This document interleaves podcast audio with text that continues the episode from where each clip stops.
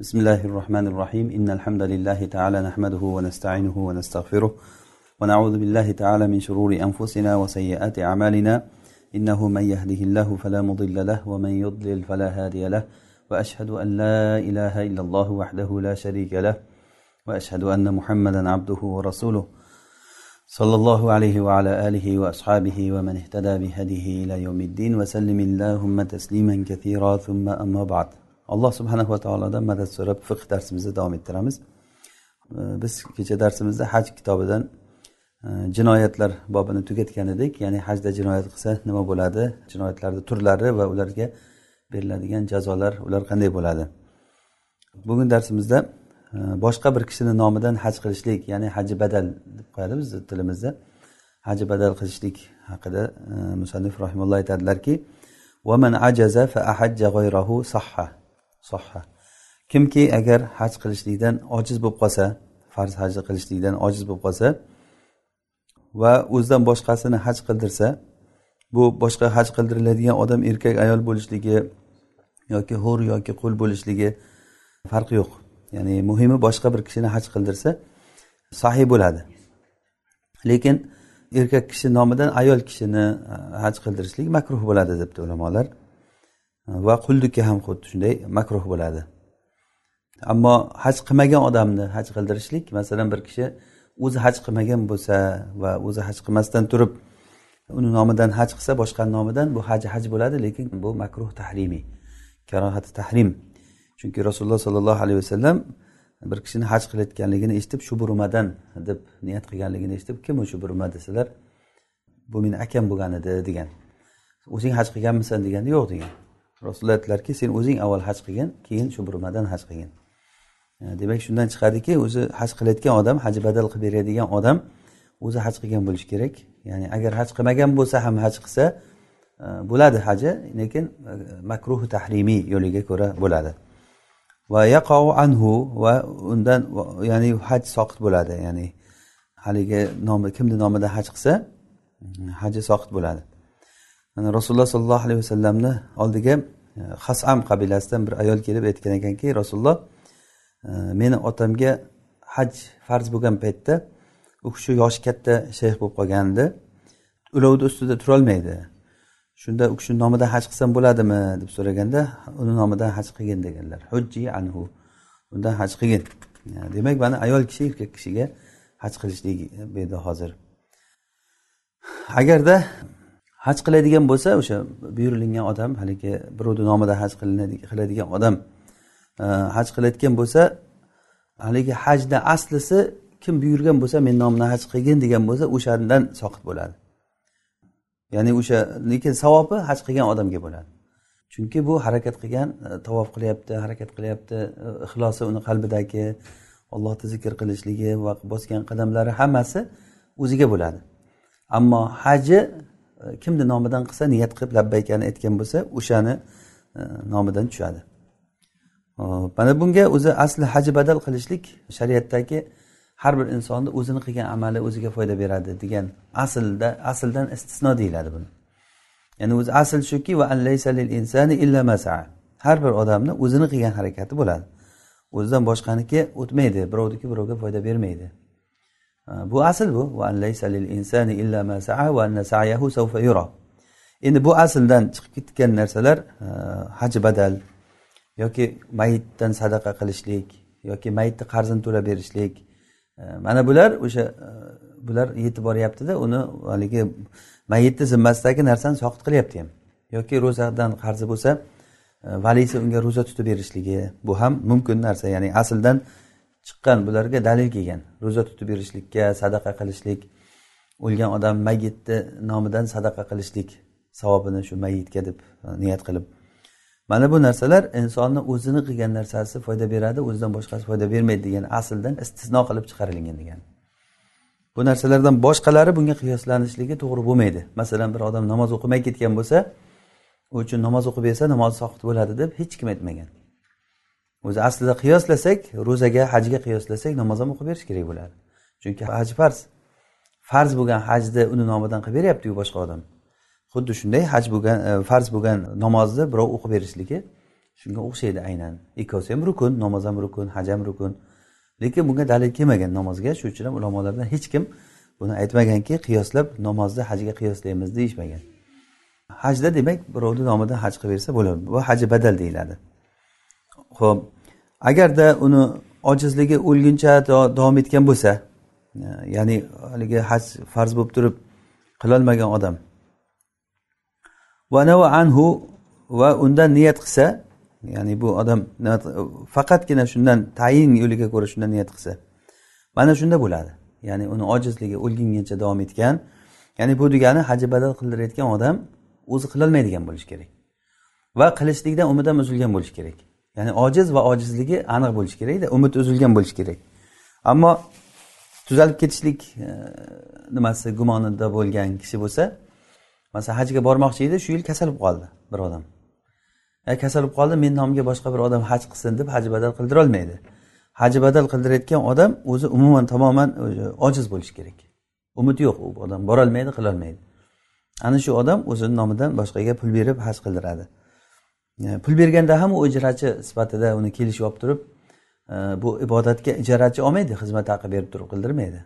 Bizda hozir mana shu hoji e, xizmat haqi evaziga bo'lib ketdi. Xizmat haqi evaziga bo'ldi bu noto'g'ri bu. Chunki bu ibodatmi? Ibodatni pulga olib kelib turib xuddiki haligi xatm qur'onlar qilganday pulga. Bunda ibodatni pulga qilsa savob bo'lmaydi. Savob bo'lmagandan keyin u ya'ni qilgan amal bekor ketgan bo'ladi. Ibodat pul masalan pulga namoz o'qisa pulga ro'za tutsa o'shanday gap bu ham pulga haj qilishlik ham. Faqatgina u boshqa odamni qildirganda u odamga e, nima xizmat haqi emas e, uni sarf xarajatlariga pul beradi. Masalan yer ichari borish kelish va boshqa mana shu narsalarga pul beradi. Shuning uchun ham ulamolar uni batafsil aytishganki haji badal qilayotgan odam nimalarga sarflaydi o'sha bergan pul berilgan puldan? Nimalarga sarflaydi va nimalarga sarflash mumkin emas? E, hatto ba'zi masalan o'ziga shaxsiy narsalariga sarflash mumkin emas uni. O'zini shaxsiy narsalariga sarflashi mumkin. Nimaki hajga taalluqli bo'lsa o'shanga sarflaydi. Ya'ni o'sha aynan o'sha xarajatini bu odam qoplab beradi. Haj baliq qildiradigan odam. Va undan haligi odam tayin yo'liga ko'ra niyat qilish kerak. Masalan aytadiki e, masalan zayd ismli bir kishi e, agar pul berib shu haj qildirayotgan bo'lsa aytadiki men zaydni nomidan niyat qildim hajni. Labbayka deb labbaykani aytib muayyan bir kishini aytadi. E, agarda ikkita odamni tayin qilib aytsa ikkita odam bo'lib turib mana shu ikkovsini nomidan e, desa haj o'ziga bo'ladi u ikkovsiga bo'lmaydi. Ya'ni bu haj o'zi bir kishiga bo'ladi ikki kishiga emas. Masalan bir zayd va bakr degan odamlar bor. Aytyaptiki meni mana shu hajim ham zaydga ham bakrga deb niyat qildi. Bunda ikkovsiga ham o'tmaydi haligi bergan pulni qaytarib beradi ikkovsiga. Ham va qilgan haji o'ziga lekin bu e, o'tmaydi chunki bu haj ibodati bir mavsumda bir marta qilinadi bir kishiga qilinadi. Boshqa bir e, qilishda iloji ham yo'q uni. Va ehsor ihsor qoni bo'lsa buyuruvchiga vojib bo'ladi. Ya'ni haji badal qiladigan odam yo'lda ketishda muhsor bo'lib qoldi. Mana kecha darsimizda aytdik muhsor bo'lgan odam nima qiladi muhsor bo'lgan odam yo'ldan hajdan qamalib qolgan odam. Ya'ni hajdan yo'ldan e, to'silib qoldi. Kasallik sababli yoki boshqa bir dushman sababidan yoki bir hayvonlar o'tkazmay qo'ydi yo bir oldidan katta suv bo'lib qolibdi suvdan o'tolmay qoldi kema topolmay masalan.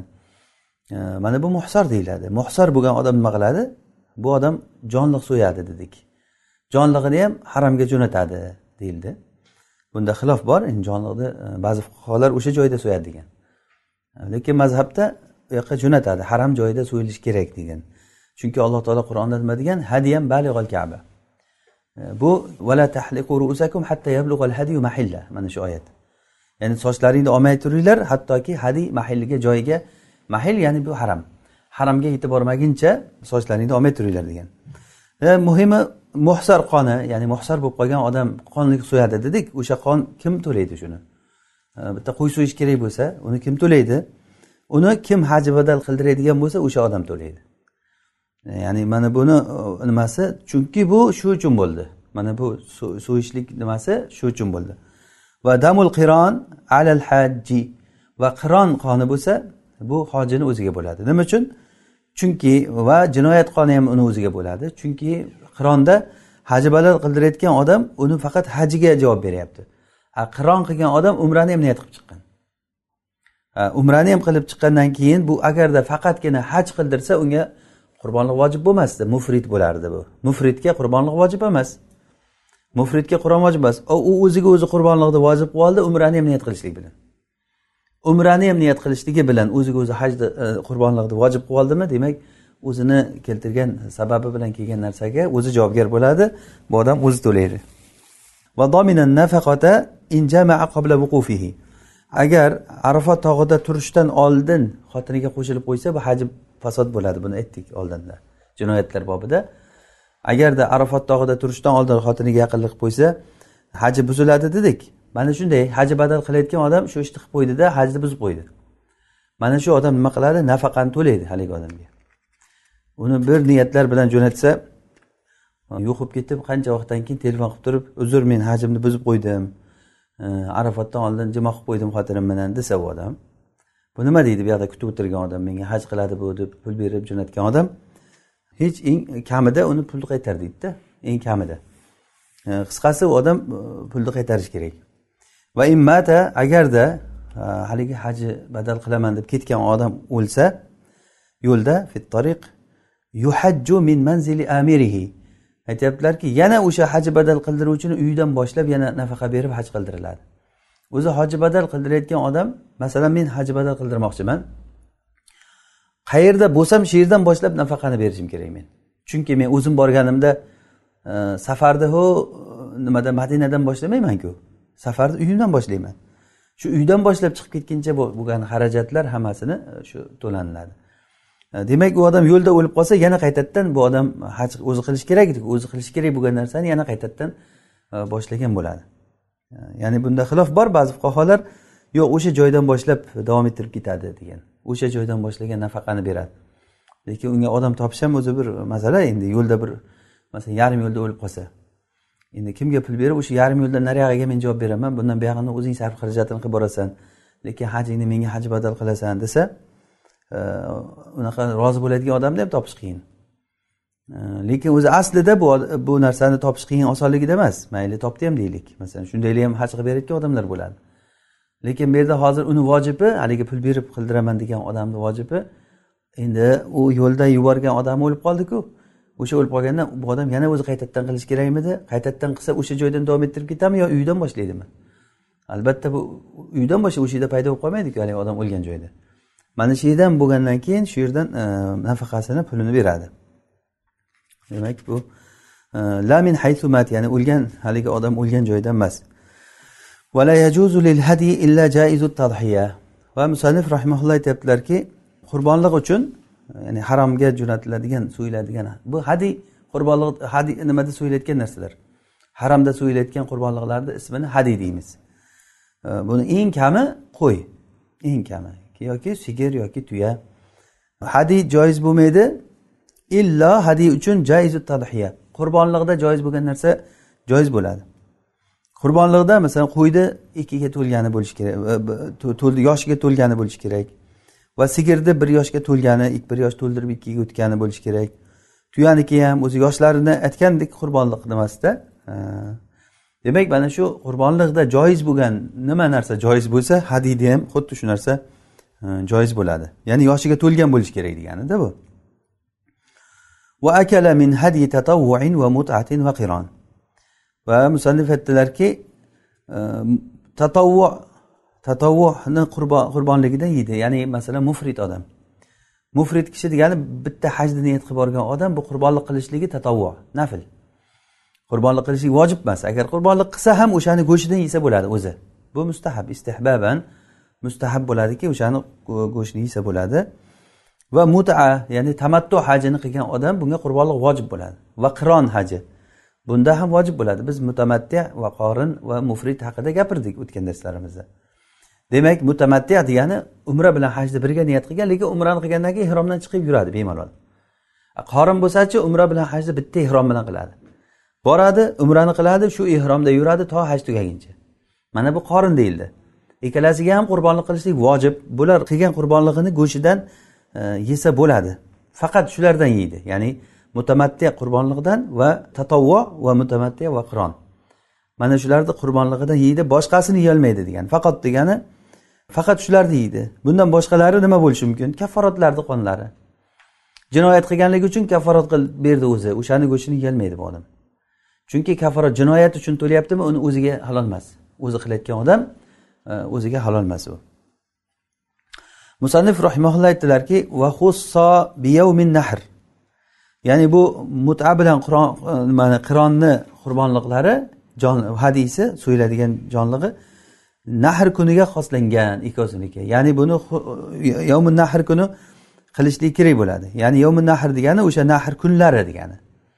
Ya'ni bu yovmin nahr qachon?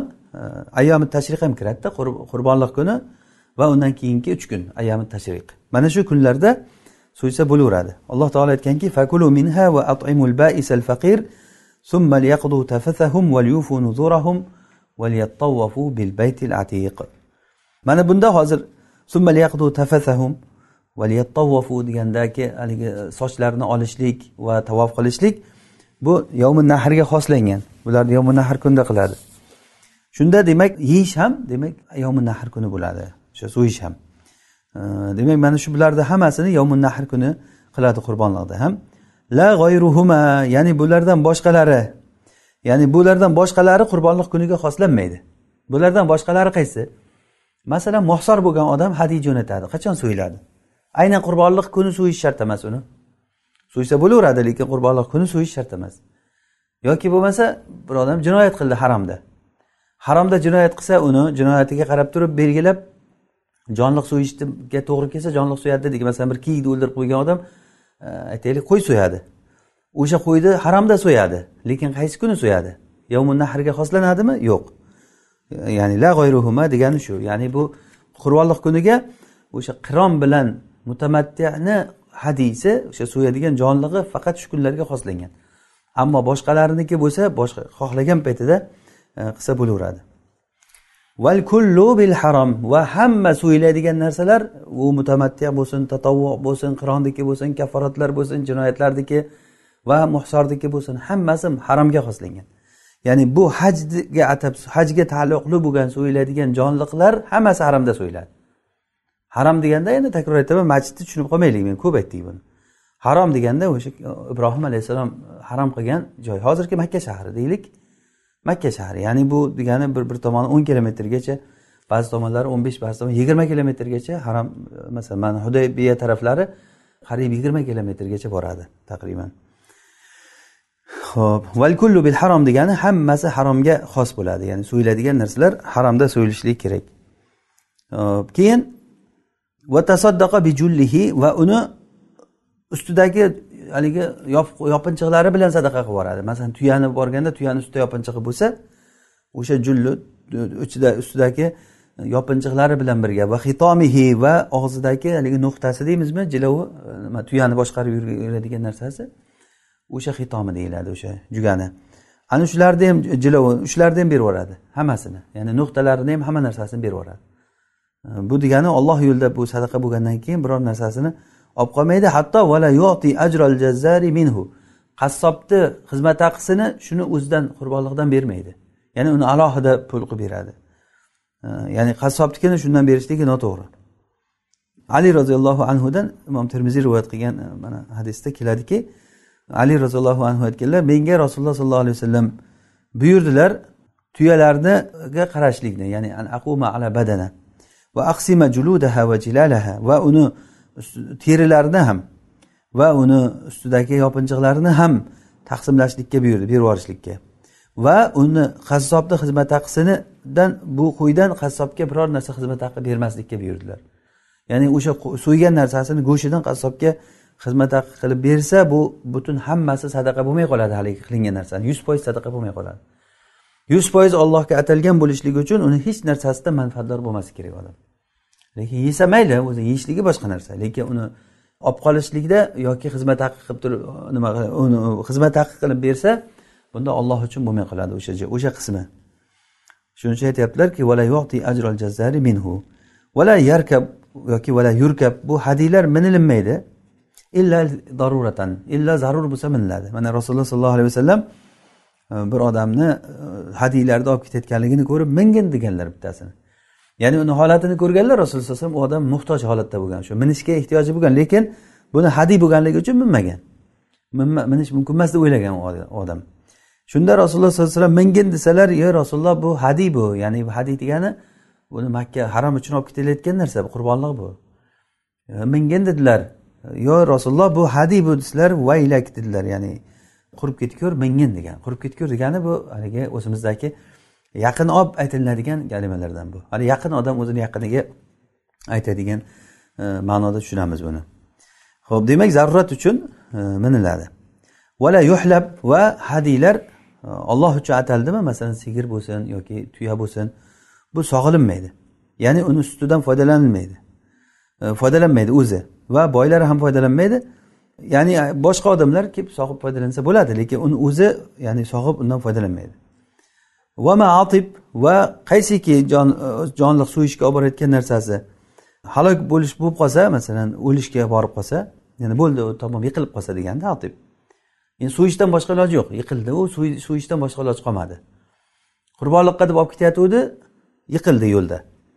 Yoki bo'lmasa bir juda jiddiy aybdor bo'lib qoldi. Taayyaba bi fahish degani juda jiddiy aybdor bo'lib qoldi. Masalan oyog'i sinib qoldi.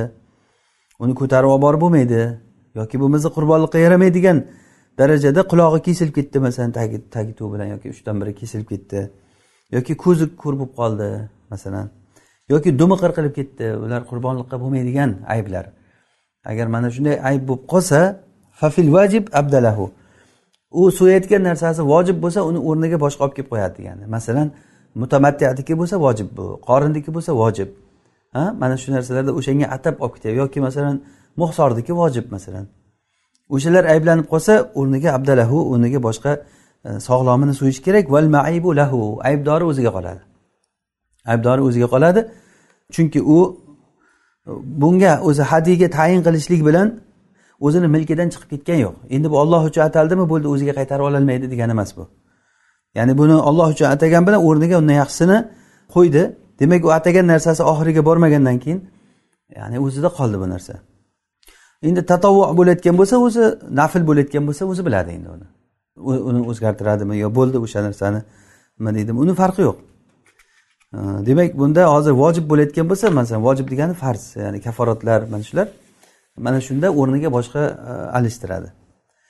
Ho'p endi boshqa bir masalani aytadilar. Musannif va inshahidu bil vuqufi qabla vaqtihi agarda odamlar arafatda turishdan oldin vuqufni ya'ni vuquf degani arafatda turganliklarini vaqtidan oldin turib qo'yganliklarini guvohlik o'tsa.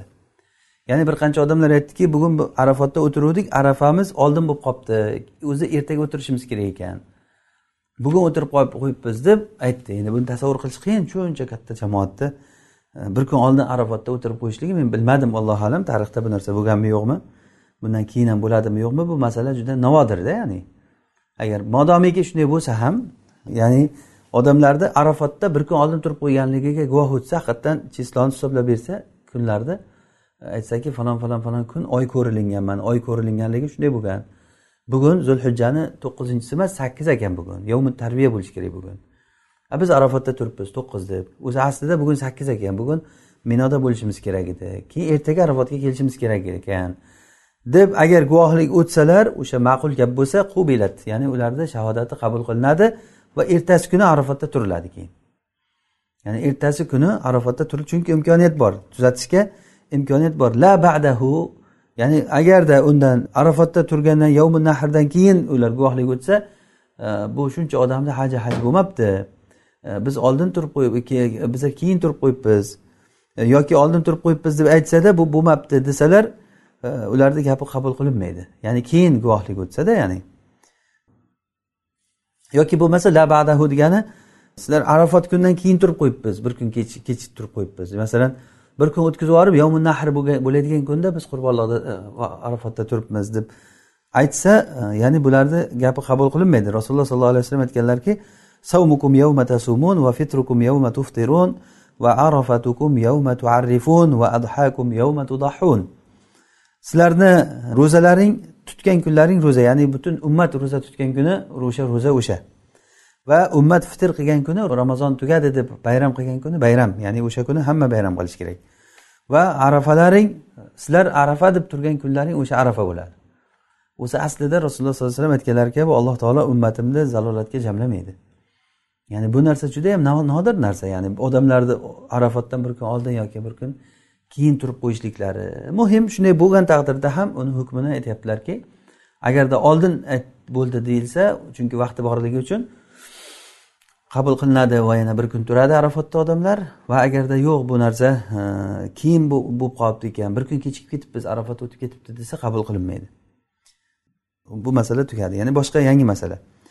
Nazara hajjan mashyan. Bir odam piyoda yurib haj qilishlikni nazr qilgan ekan.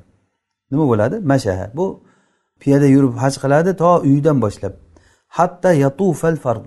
Hatto to farz tavofini qilguncha ya'ni piyoda yurib vallohi men piyoda yurib haj qilaman degan. Ya'ni piyoda yurib haj qilishlikni nazr qilgan. Umuman ulovga minmayman degan. Bu odam o'sha piyoda yurish degandan keyin uyidan boshlab chiqib piyoda chiqib ketish kerak. Yo'l yo'lakay hech narsaga minmaslik kerak. Ulovlarga minmay piyoda borib piyoda to farz tavofini qilguncha haj o'sha bilan tugaydida shuning uchun farz tavofi deyapti. Hajni oxirigacha o'sha e, piyoda qilishlik kerak bo'ladi. Allohu alam. Shu bilan o'zi e, haj kitobimiz tugab qolibdi alhamdulillah. E, hop biz endi hozirgacha ibodatlarni tugatgan bo'ldik. E, boshlab kitobi tahoratdan boshlab keyin kitobi sola kitobi zakot kitobi savm va kitabul haj. Bu islom rukunlari bular. Islom rukunlari. Birinchi rukuni la ilaha illalloh muhammad rasululloh shahodati. Undan keyin mana bu to'rtta rukun beshta rukun islomni rukunlari shu. Bular ibodatlar bobi. Alhamdulillah bularni qisqacha qilib turib e, ya'ni qo'ldan kelgancha sharhlab ozroq ozroq bo'lsa ham e, tushuntirgan va yetkazgan bo'ldik. E, mana bu narsalar fuqarolarni istilohida ibodatlar va muomalatlar deb ajratadilar. Ya'ni ibodatlar olloh bilan banda o'rtasida bo'layotgan narsalar. Bular hammasi ibodatlar mana shu. Shunga tahorat ham shunga kirib ketadi o'zi aslida. Namoz ro'za zakot bular hammasi haj olloh bilan bandani o'rtasida bo'layotgan narsalar. Endi bundan keyingi o'tayotganlarimiz taqriban ya'ni ba'zi birlari bor yana ba'zi bir hududlar masalan olloh bilan banda o'rtasidagi. Lekin umuman olganda muomalatga kirayotgan narsalar bular hammasi. Masalan hozir kitobi nikohdan boshlaymiz. Kitobi nikoh bu muomala odamlar o'rtasidagi ijtimoiy masalalardan bu. Erkak bilan ayolni qo'shilishligi va ulardan farzandlar tug'ilishligi turmush qurgandan keyin uni e, quda anda bo'lishligi ayol taraf erkak taraf bir biriga quda anda bo'lib qancha bir ijtimoiy nimalar e, odamlarni jamlanishlik nimasi aloqasi boshqacha holatga o'zgaradi. Bu muomalaga kiradi albatta. O'zi aslida fiqda alloh subhanava taoloni katta bir ne'matiki shariatni bizga alloh taolo hamma jabhani e, ya'ni o'z ichiga oldirib shariat shunday nozil bo'ldi. U shariat deganda bizda odamlar shariat desa faqat masjidda namoz o'qishni tushunadi. Bu shar'iy odam degani qo'liga tasuv olib salla chopon kiyib yurgan masjidda o'tirgan odamni tushunadi odamlar. Aslida bu shariat e, namozga ro'zaga buyurgan shariat nikohga buyurdi taloqqa taloqni masalalarini aytib berdi e, va jinoyatlar bo'lsa ularga qanday hududlar joriy bo'ladi va hokazo hamma masalalarga kirdi. Hamma masala hech nima qolmagan. Ma fil kitabi min shay. Kitobda hech bir narsani qoldirmadik degan alloh taolo. Chunki bu kitob bizga hudan linnas bu odamlarga hidoyat bo'lib tushdi. Zalikal kitabu la royba fih hudallil muttaqin mana. Bu kitob mana boshidagi surada bizga aytgan. Alif lam mim zalikal kitab qur'on la royba fi unda hech shak shubha yo'q. Ya'ni ishonchli kitob. Buni ollohni shahodati bilan. Hudan lil muttaqin. Bu hidoyat muttaqinlar uchun hidoyat bu. Demak u hidoyat bo'lganda faqat hidoyat masjidda o'tirish bilan bo'lmaydiku. Biz bola tarbiyasida hidoyatga muhtoj emasmizmi? Uylanishda hidoyatga muhtojmiz. Va oilamni qurishlikda ajralishda hidoyatga muhtojmiz agar ajralish kerak bo'lsa. Qolsa odamlarda bir biri bilan bo'ladigan muomalalar emizish deysizmi boshqa deysizmi jinoyatlar deymizmi hamma hammasi. Bu narsalar alloh robbil alaminni hukmi bizga buyurgan shariati mana shu narsani hammamiz xohlaymizmi xohlamaymizmi qilishimiz kerak bo'ladi musulmonchilik davo qilgan odam. Iymon davo qilgan odam alloh taoloni buyrug'iga bo'ysunishlik kerak bo'ladi. Buni biz tushunaylikki bu shariat hamma narsaga kiradi. Faqat bitta narsada bu shariat qolgan narsada biz o'zimiz bilganimiz qilaveramiz. E, deyishlik bu juda katta katta bir xatarlik bir gap bu. Alloh taolo aytganki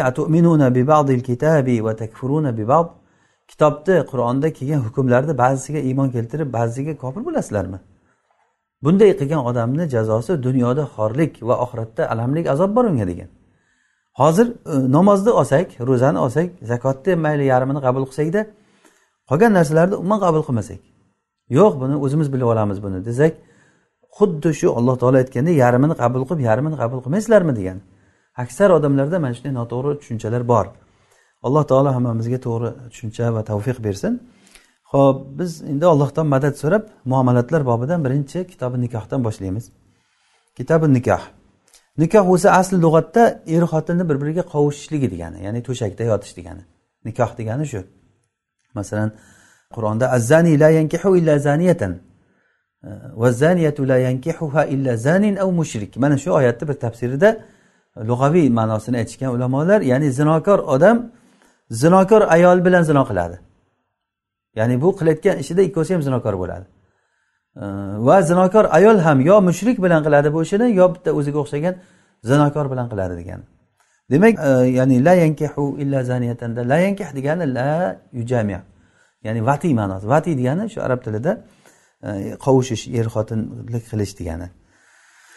Ho'p o'zi aslida bu ba'zi ulamolar bu sunnat bu degan ba'zilar farzi kifoya degan nikohlanishlikni hukmida.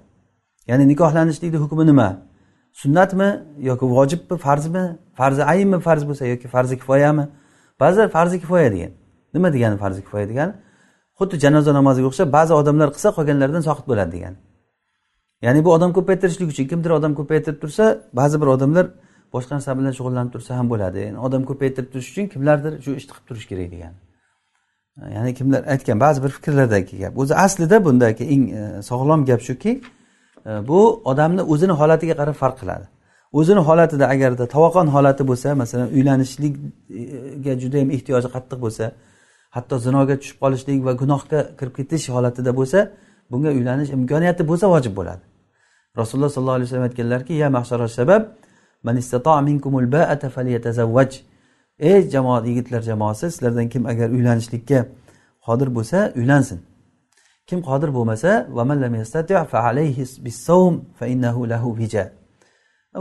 sallallohu alayhi vasallam agarda nima qilolmasa uylanishga sarf xarajatiga imkoniyati bo'lmasa bu ro'za tutsin bu odam.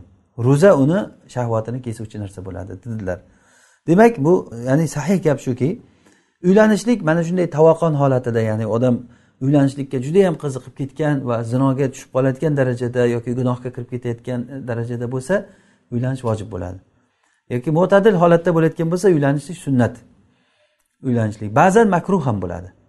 Ya'ni makruhligi qanday? Umuman ayollarga yaqinlik qilolmaydi masalan.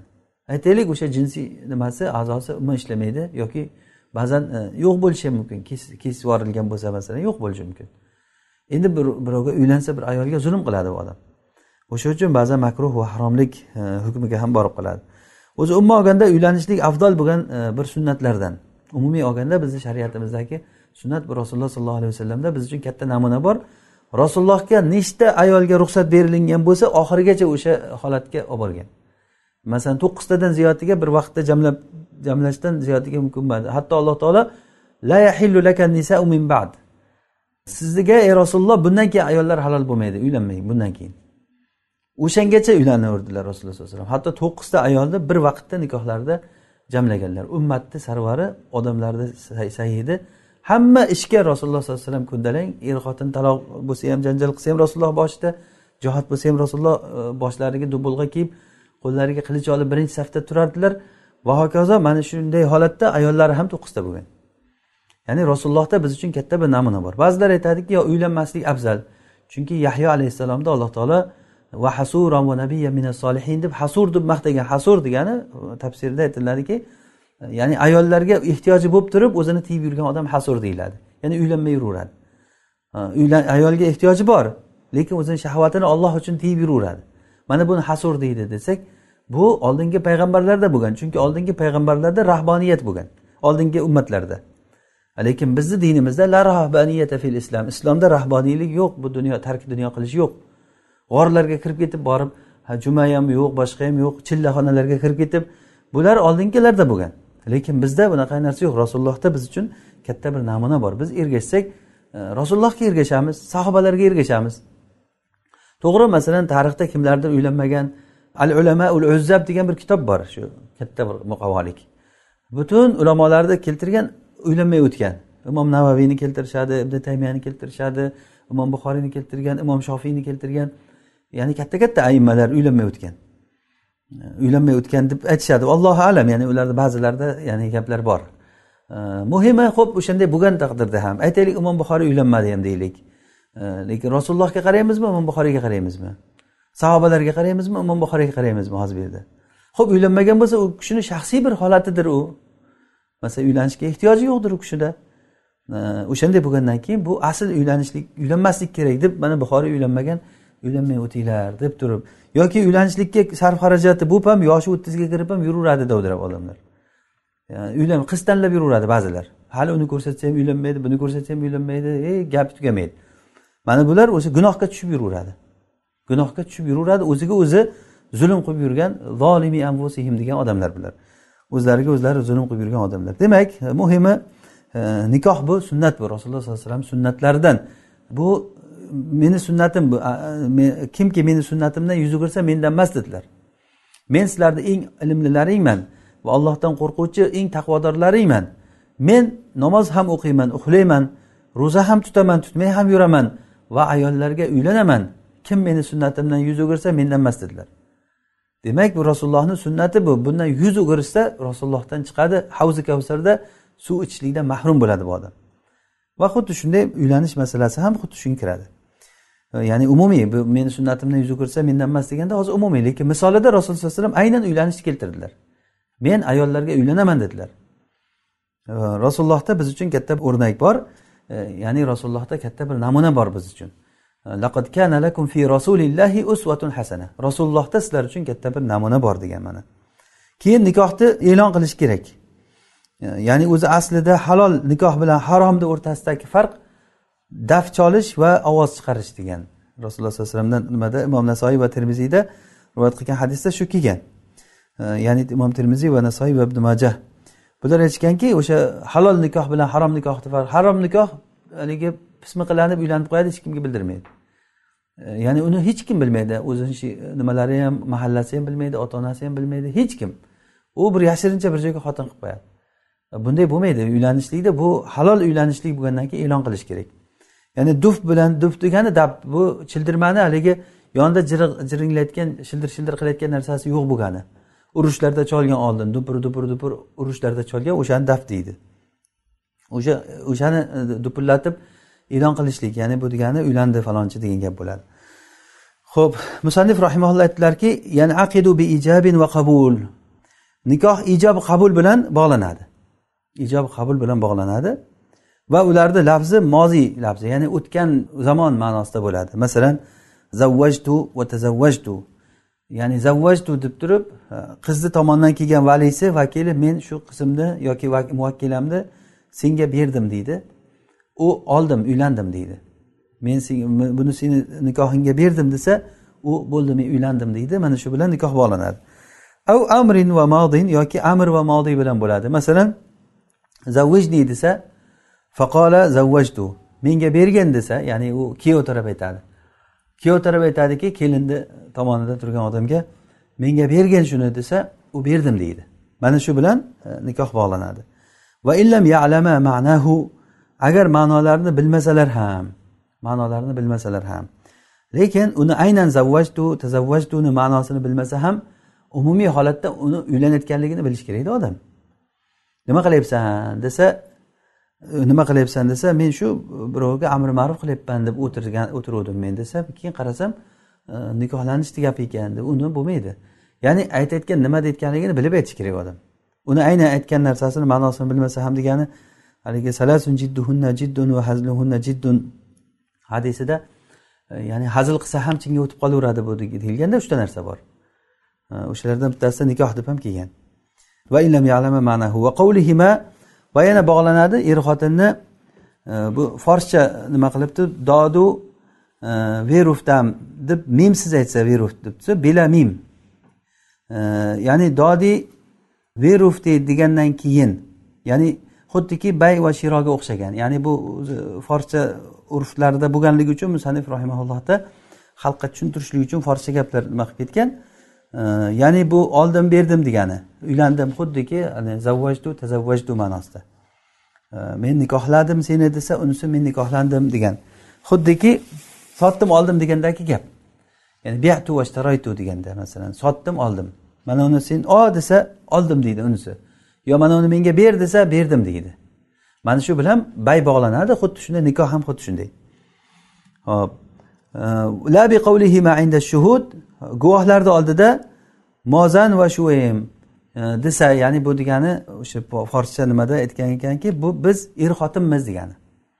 Biz er xotinmiz bo'ldik biz er xotin bo'ldik desa bu bilan bo'lmaydi.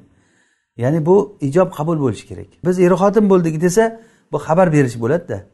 Nikohni ma'nosi insho bilan bo'ladi. Ya'ni arab tilida insho degani u xabar bilan emas. Masalan falonchi ayol meni xotinim desa bu xabar bergan bo'ladi. Endi bir ayolga qarab sen menga xotin bo' desa unisi bo'ldim desa ana bu insho hozir boshlangan bo'ladida. Insho hozir boshlanadi bog'lanadi. Ammo xabar berish bo'lsa oldindan bo'lib kelgan narsani xabar berish bo'ladi. Mana bu nikoh taloq itoq bu narsalar hammasi o'sha insho ya'ni hozir boshlashlik bilan kuchga kiradi. Va nikoh sahih bo'ladi nikoh labzi bilan. Ya'ni nikohladim nikohlandim yoki zavvajdu tazavvajdu bu arab tilidagi gap. Bizni o'zbek tilida qanday bo'ladi? Biz o'zbek tilida urfimizga qarab bo'ladi. Hozir nikoh nimani tugatay? Matnni shuni o'zbekchasini aytmoqchiman men. Va bir narsani aynni tamlik qilib birovga berish uchun qo'yilgan kalimalar. Mana uni berdim oldim. E, seniki bo'ldi senga topshirdim degan gaplar borku. Mana shu gaplar. O'zbekchada ham xuddi shunday. Halan degani hozir. Ya'ni bu insho deganligimiz shu. Insho ma'nosi shu. Va ularni har biri uni eshitishligi shart. Ya'ni e, ya'ni bu bir vaqtda shuni eshitish kerak. Ya'ni e, ikkovsidan har biri o'sha narsani eshitish kerak. Ya'ni e, biri aytilingan gapni ikkinchisi bir vaqtda eshitish kerakda. Masalan bittasi aytsaki menga xotin bo'lgin desa e, keyin unisi nariyoqqa borib turib bo'ldim desa bunisi eshitmasa e, ya'ni bu bilan bo'lmaydi. Ikkovsi ham bir vaqtda aytganligini guvohlar ham eshitishi kerak. Va hudur hurrayni av hurrin va hurratayni va ikkita hur kishi guvoh bo'lishi kerak yoki bitta hur erkak va ikkita hur xotin e, guvohlik bo'lishlik kerak. Mana shularni nimasida nikoh bog'lanadi. Ya'ni bizda asli bu narsani biz e, modomiki o'zimizni tilimizda aytar ekanmiz. Hech kim zavvojtu tasavvojtu deb uylanmaydi o'zbeklar e, ya'ni bizni nikohlarda nima deyiladi? Falonchi sen e, qizingni managa berishga rozimisan. Berasanmi desa ijob. Meni qizim ha u beraman deydi bunisi oldim deydi mana shu bilan. Yoki aytadi men qizimni senga topshirdim deydi. Unisi qabul qildim deydi masalan. Yoki kuyov taraf aytadiki falonchi qizingizni yo muvakkilingizni menga turmush nima qilishga turmushimga nikohimga bering. Unisi berdim deydi. Mana shu ma'noda ya'ni nikohni oldim berdim nikohlandim nikohladik ma'nosida ifoda qilayotgan kalimalarni bizni urf bo'yicha tushunadi hamma buni. O'sha narsani aytsa bo'ldi. Inshaalloh o'sha bilan e, nikoh bog'lanadi. Lekin ulardan e, ikkita anavlardan har biri bir ikkinchisini e, gapini eshitishligi kerak. Ya'ni oldim berdim deganda ijob qabul deyiladi buni. Bu nikohni rukni shu o'zi. Nikohni rukni ijob va qabul. Va huduru hurrayni av hurrin va hurratayni yo ikkita hur bo'lishi kerak guvoh bo'lib turib va yoki bo'lmasa bitta hur va ikkita xotin bo'lsa ham bo'ladi. Ya'ni bir erkak va ikkita xotin. Mukallafayni ular ikkalasi ham mukallaf bo'lishi kerak. Mukallaf muslimayni musulmon bo'lishi kerak. Ya'ni bu degani guvohlarimiz mukallaf bo'lishi kerak. Guvohlar mukallaf bo'lishi kerak. Mukallaf degani nima degani? Yosh bola bo'lmasligi kerak. Majnun bo'lmaslik kerak. Mukallaf degani shu. Ya'ni shar'iy buyruqlar unga kelgan mas'ul odam. Ya'ni mas'uliyatli odam deganida bu shar'iy tomondan mas'uliyatli odam degani. Muslimayni bu muslimay musulmon bo'lishi kerak guvohlarimiz. Samiayni maan lafzahuma. Ularni ijob qabul bo'lgan lafzan berdim oldim degan gaplarini bir vaqtda eshitgan bo'lishi kerak guvohlar. Vasoha inda fasiqoyni ikkita fosiqni oldida bo'ladi nikoh deyaptilar.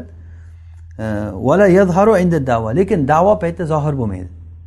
Ya'ni nikoh paytida guvoh o'tgan odamlar fosiqlar bo'lsa. Fosiq kim? Fosiq bilamiz shariatdagi harom qilingan ishlarni qilayotgan odam shariatga jur'at qilib hududlardan chiqayotgan odam fosiq deyiladi. Masalan odam o'ldirgan odam fosiq hisoblanadi namoz o'qimaydigan odam fosiq hisoblanadi ro'za tutmaydigan odam fosiq deyiladi zakotini bermasa fosiq deyiladi. Haj qilmasa fosiq deyiladi. Va hokazo ya'ni imkoniyati bo'lib turib degani bular hozir aytganimiz. Endi haj qilmasa degani imkoniyati bo'lib turib bormay yursa degani. Bu ham bir qovulda. Umuman olganda shar'iy xilof harom ishlarni qilgan odam. Masalan zino qilib yuradi bir odam. Fosiq degani bu. Yoki ayol kishi masalan e, satr avrat qilmaydi. E, mana shularni guvohligida sahiy bo'ladi lekin davo paytida zohir bo'lmaydi. Ularniki tahammuli bor adosi yo'q deyiladida buni. Tahammul degani o'sha shahodat shohid o'tinglar deganda bular shahodati bilan nikoh bo'ldi bog'landi. Lekin agar ertaga janjal bo'lsa bir narsa bo'lsa kim guvoh o'tgan edi deydi. Masalan qoziga janjal qilib boradiki ayol menga mani er uylandi mahrni e, falonchi masalan o'n ming dirham mahr beraman deb va'da qiluvdi nikohda endi bermayapti. Er aytishi mumkin yo'q o'n ming dirham degan gap bo'lgan emas. Kim guvoh edi? Guvohlarni olib kelsa ikkita fosiq mana shu paytda davo paytida fosiqlarniki foyda bermaydi. Nikoh paytida bo'laverdi o'tib ketaverdi. Lekin ehtiyoj bo'lgan paytda ke qani sen nimani eshituvding o'shanda gapirib bergin desa qarasa fosiq bo'lsa unda gapi olinmaydi. Ya'ni bu degani la yazharu inda davo degani shu davo paytida o'sha qozixonada u gap o'tmaydi. Lekin nikoh nikoh bo'laveradi. Vasoha inda ibnayhima va uylanadigan hozir erkak bilan ayolni o'g'illarini oldida bo'laveradi. Ya'ni ikkovsini o'g'illari ham guvoh o'tsa bo'laveradi. Yoki bo'lmasa bittasini o'g'li ham o'g'illari ham guvoh o'tsa bo'laveradi. Masalan ayolni nikohlaydigan ayolni ikkita balog'atga yetgan o'g'li bor. O'sha ikkita o'g'li guvohligida nikohlab olyapti masalan. Bo'laveradi bu ham. Bu ham bo'laveradi. Vala tuqbal lil qorib lekin u shahodati o'zini yaqini uchun qabul qilinmaydi. Hozir aytganimizdek masalan aytaylik bir ayolni ikkita balog'atga yetgan o'g'li bor. O'sha ikkita o'g'ilni oldida nikohlab olindi. Nikohlab olindi. Nikoh sahih bo'ldi. Keyin janjal bo'ldida taloq bo'ldi. Ayol aytyaptiki bu erkak menga o'n ming dirham beraman deb va'da qiluvdi. Qoziga borib aytsa qozi chaqiradi. Shunday degandim yo'q unday deganim yo'q men. Guvohlarim bor deydi nikohda kim guvoh bo'lgan? Ikkita o'g'lim guvoh bo'lgan ha. O'g'illar o'zini yaqiniga guvohlik o'tmaydi.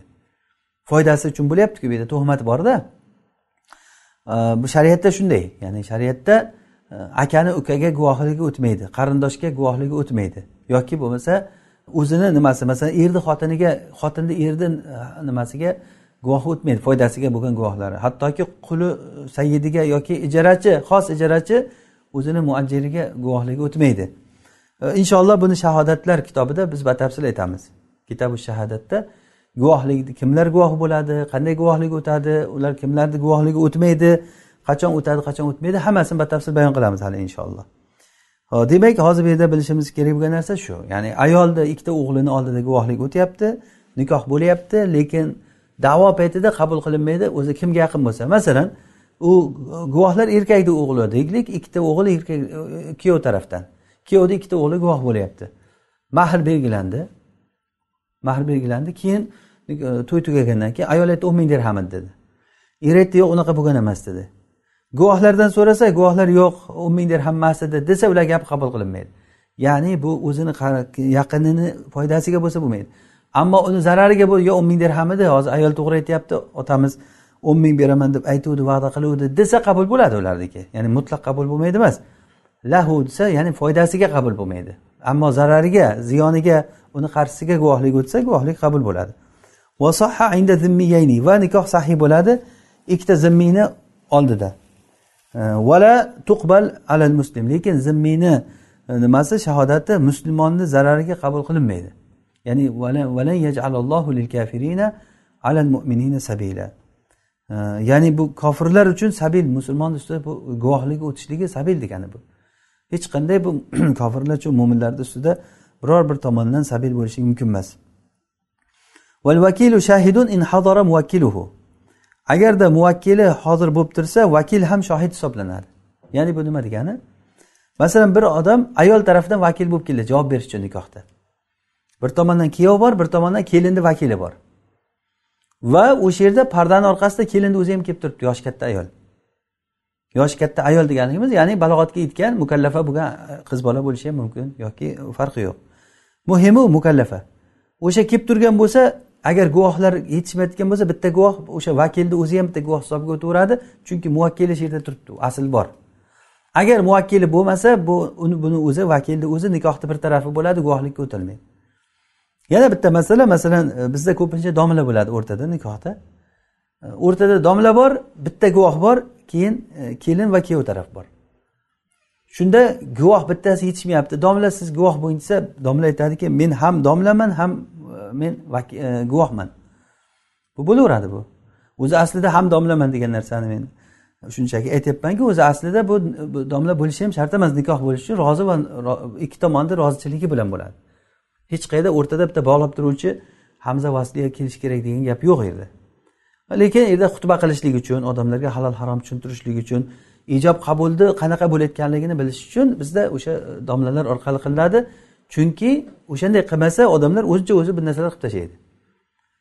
Uni shariatga muvofiq kelishligini umuman bilmaydi qaysi nima bilan bo'lyapti. O'sha uchun ham bu tartib yaxshi intizomga qo'yilganki albatta bir ahli ilm kishi o'sha yoki e, bir domla degan odamimiz masjidda imom bo'ladimi kim bo'lsa qat'iy nazar shu ishni qila oladigan odam o'rtada turib uni ijob va qabulini tavalliy qiladi shu ishni boshqaradi. E, xuddiki ulamolar aytgani kabi vajib ya'ni vojib usiz ado bo'lmaydigan narsa bu vojib bo'ladi. Ho'p demak vakil o'sha nima shohid bo'ladi kal vali xuddi valiga o'xshab. Vali ham xuddi shunday bo'ladi. Vali masalan qiz bolani otasi. Qiz bola nikohga qizni otasi keldi qizini nomidan javob berishgan. Bir tomondan kuyov turibdi bir tomondan qizni otasi turibdi. Va o'sha yerda pardani orqasida qizi ham qarab o'tiribdi. Demak o'shanday paytda guvoh yetishmasa o'sha valini o'zi bitta guvoh hisobiga o'taveradi chunki asl turibdi yerda. Agarda u qizi bo'lmasa vali ham vali ham nikoh bo'lolmaydi e, ham guvoh bo'lolmaydi vakil ham xuddi shunday ham vakil ham e, guvoh bo'lolmaydi illo asil kelib o'tirsa asil degani o'zi asli uni egasi buni yuborgan odam orqada ayol kishi.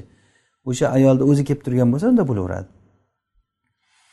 In hadoratil e, mavliyatu balig'atan. Agarda o'sha vali mavliya degani e, o'sha vali qilingan e, ayolni o'zi ayolni o'zi balog'atga yetgan bo'lsa u kelib o'tirgan bo'lsa mana bunda o'sha nikohi nikoh bo'laveradi. Ho'p keyin yana bir masala. Fosiqlarni nimasi? Shahodatini bog'lanishligi o'zi aslida nima mumkin mumkin emasmi? O'zi aslida bu shahodatlar fosiqni shahodati ham bo'lishligini nimasi? Bizda dalili bu mazhabda hozir fosiq bo'lsa ham bo'ladi deyildi. Aslida fosiq kishi masalan musulmonlarga rahbar bo'lsa ham bo'ladi. Masjidga imom bo'lsa ham bo'ladi. Masalan bir fosiq odam masjidda imom bo'lsa odamlar o'sha orqasidan namoz o'qishligi mumkin. Bu ummatda ijmo qilingan narsa bu. Rasululloh sollallohu alayhi vasallam haligi podshohlardan ya'ni zolim podshohlar keladi hali. O'shanda sabr qilinglar. Itoat qilinglar nima bo'lsa ham zolim bo'lsa ham deb aytgan joylarida e, demak o'sha zolim bo'lsa ham itoat qilgin. Ma'rufga buyursa allohga osiy bo'lmaysa agar. E, yoki bo'lmasa masjidni e, imomi har qancha yomon odam bo'lsa ham namozni to'g'ri o'qisa bo'ldi orqasidan iqtido qilgin degan. Bu aqida kitoblarida hammasida bor o'qisangiz. Aqida kitoblarida bor. Ya'ni va fajir. Mana aqida kitoblarida matnlarda keladi. Har qanday yaxshi yomon odamni orqasida iqtido qilib namoz o'qishlik bizni aslimiz bu. Ahli sunna va jamoatni aslisi u falonchi bidatchini orqasidan namoz o'qima falonchi u yomon odam orqasidan namoz o'qima desa e, bu uni o'sha ummatni o'rtasini bo'laklashlikka olib keladi bu narsa. Demak qisqasi o'sha imomati joiz bo'ldimi? Uni hatto rahbarligi ham joiz bo'ldimi? O'shanday bo'lgandan keyin uni shahodati avvalo joiz bo'lishi kerak deydi. Lekin tahammul paytida bo'ldi lekin ado paytida bu e, ya'ni uni qabul qilish paytida e, u narsa pand beradi. Qabul qilishda buni pand beradi. Allohu alam. Mana shu joygacha darsimizni yakunlaymiz. Inshaalloh kelasi darsda e, kimlar halol bo'ladi kimlar halol bo'lmaydi. Ya'ni erkak kishi uylanishligida qaysi ayolga uylansa bo'ladi qaysi ayolga uylanolmaydi? Buni albatta shariat bizga hammasini batafsil bayon qilib qo'ygan alhamdulillah. Mana bu shariatni qarangki mana ayolga uylansang bo'ladi mana ayol senga halol emas. Mana bunga falon vaqtda uylansang bo'ladi mana shu vaqtgacha uylanolmaysan deb qo'ygan. Masalan iddada turgan ayolga uylanolmaysiz hatto sovchi ham qo'ya olmaysiz iddada turgan ayolga yoki emizikdan bo'lgan singlisi bo'lsa va hokazo mana bu bizga shariatni shunday bir buyrug'i keladiki ya'ni bu biz demak alloh taologa biz qul ekanmiz alloh taolo bizni boshqarar ekan bizga buyurar ekan hattoki shahvatimizda ham. Xuddi hayvonlarda qaysi to'g'ri kelsa bir biriga sakrab ketganday hayvonlar bunaqangi bo'lmaydi odamlardagi. Odamlarniki bular musulmon odam bo'lgandan keyin musulmon odam nima qilish kerak? Hammasi o'sha boshqarilingan. Ya'ni odamlar o'ylaydiki men hurman xohlaganimni qilaman.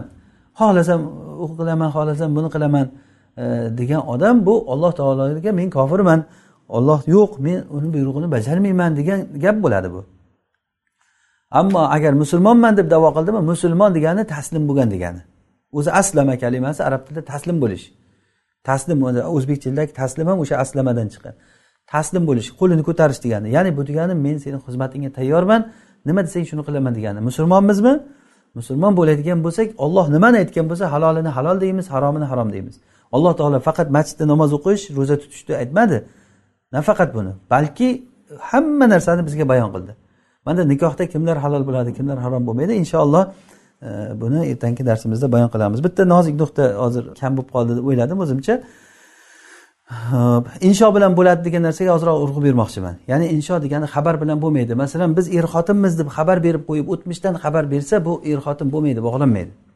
Ammo er xotin bu bog'lanishlik uchun hozir aytish kerakki menga tekkin unisi bo'ldi tegdim mana shu bilan nikoh bog'lanadi. Mana shu bilan nikoh bog'lanadi. Vallohu alam.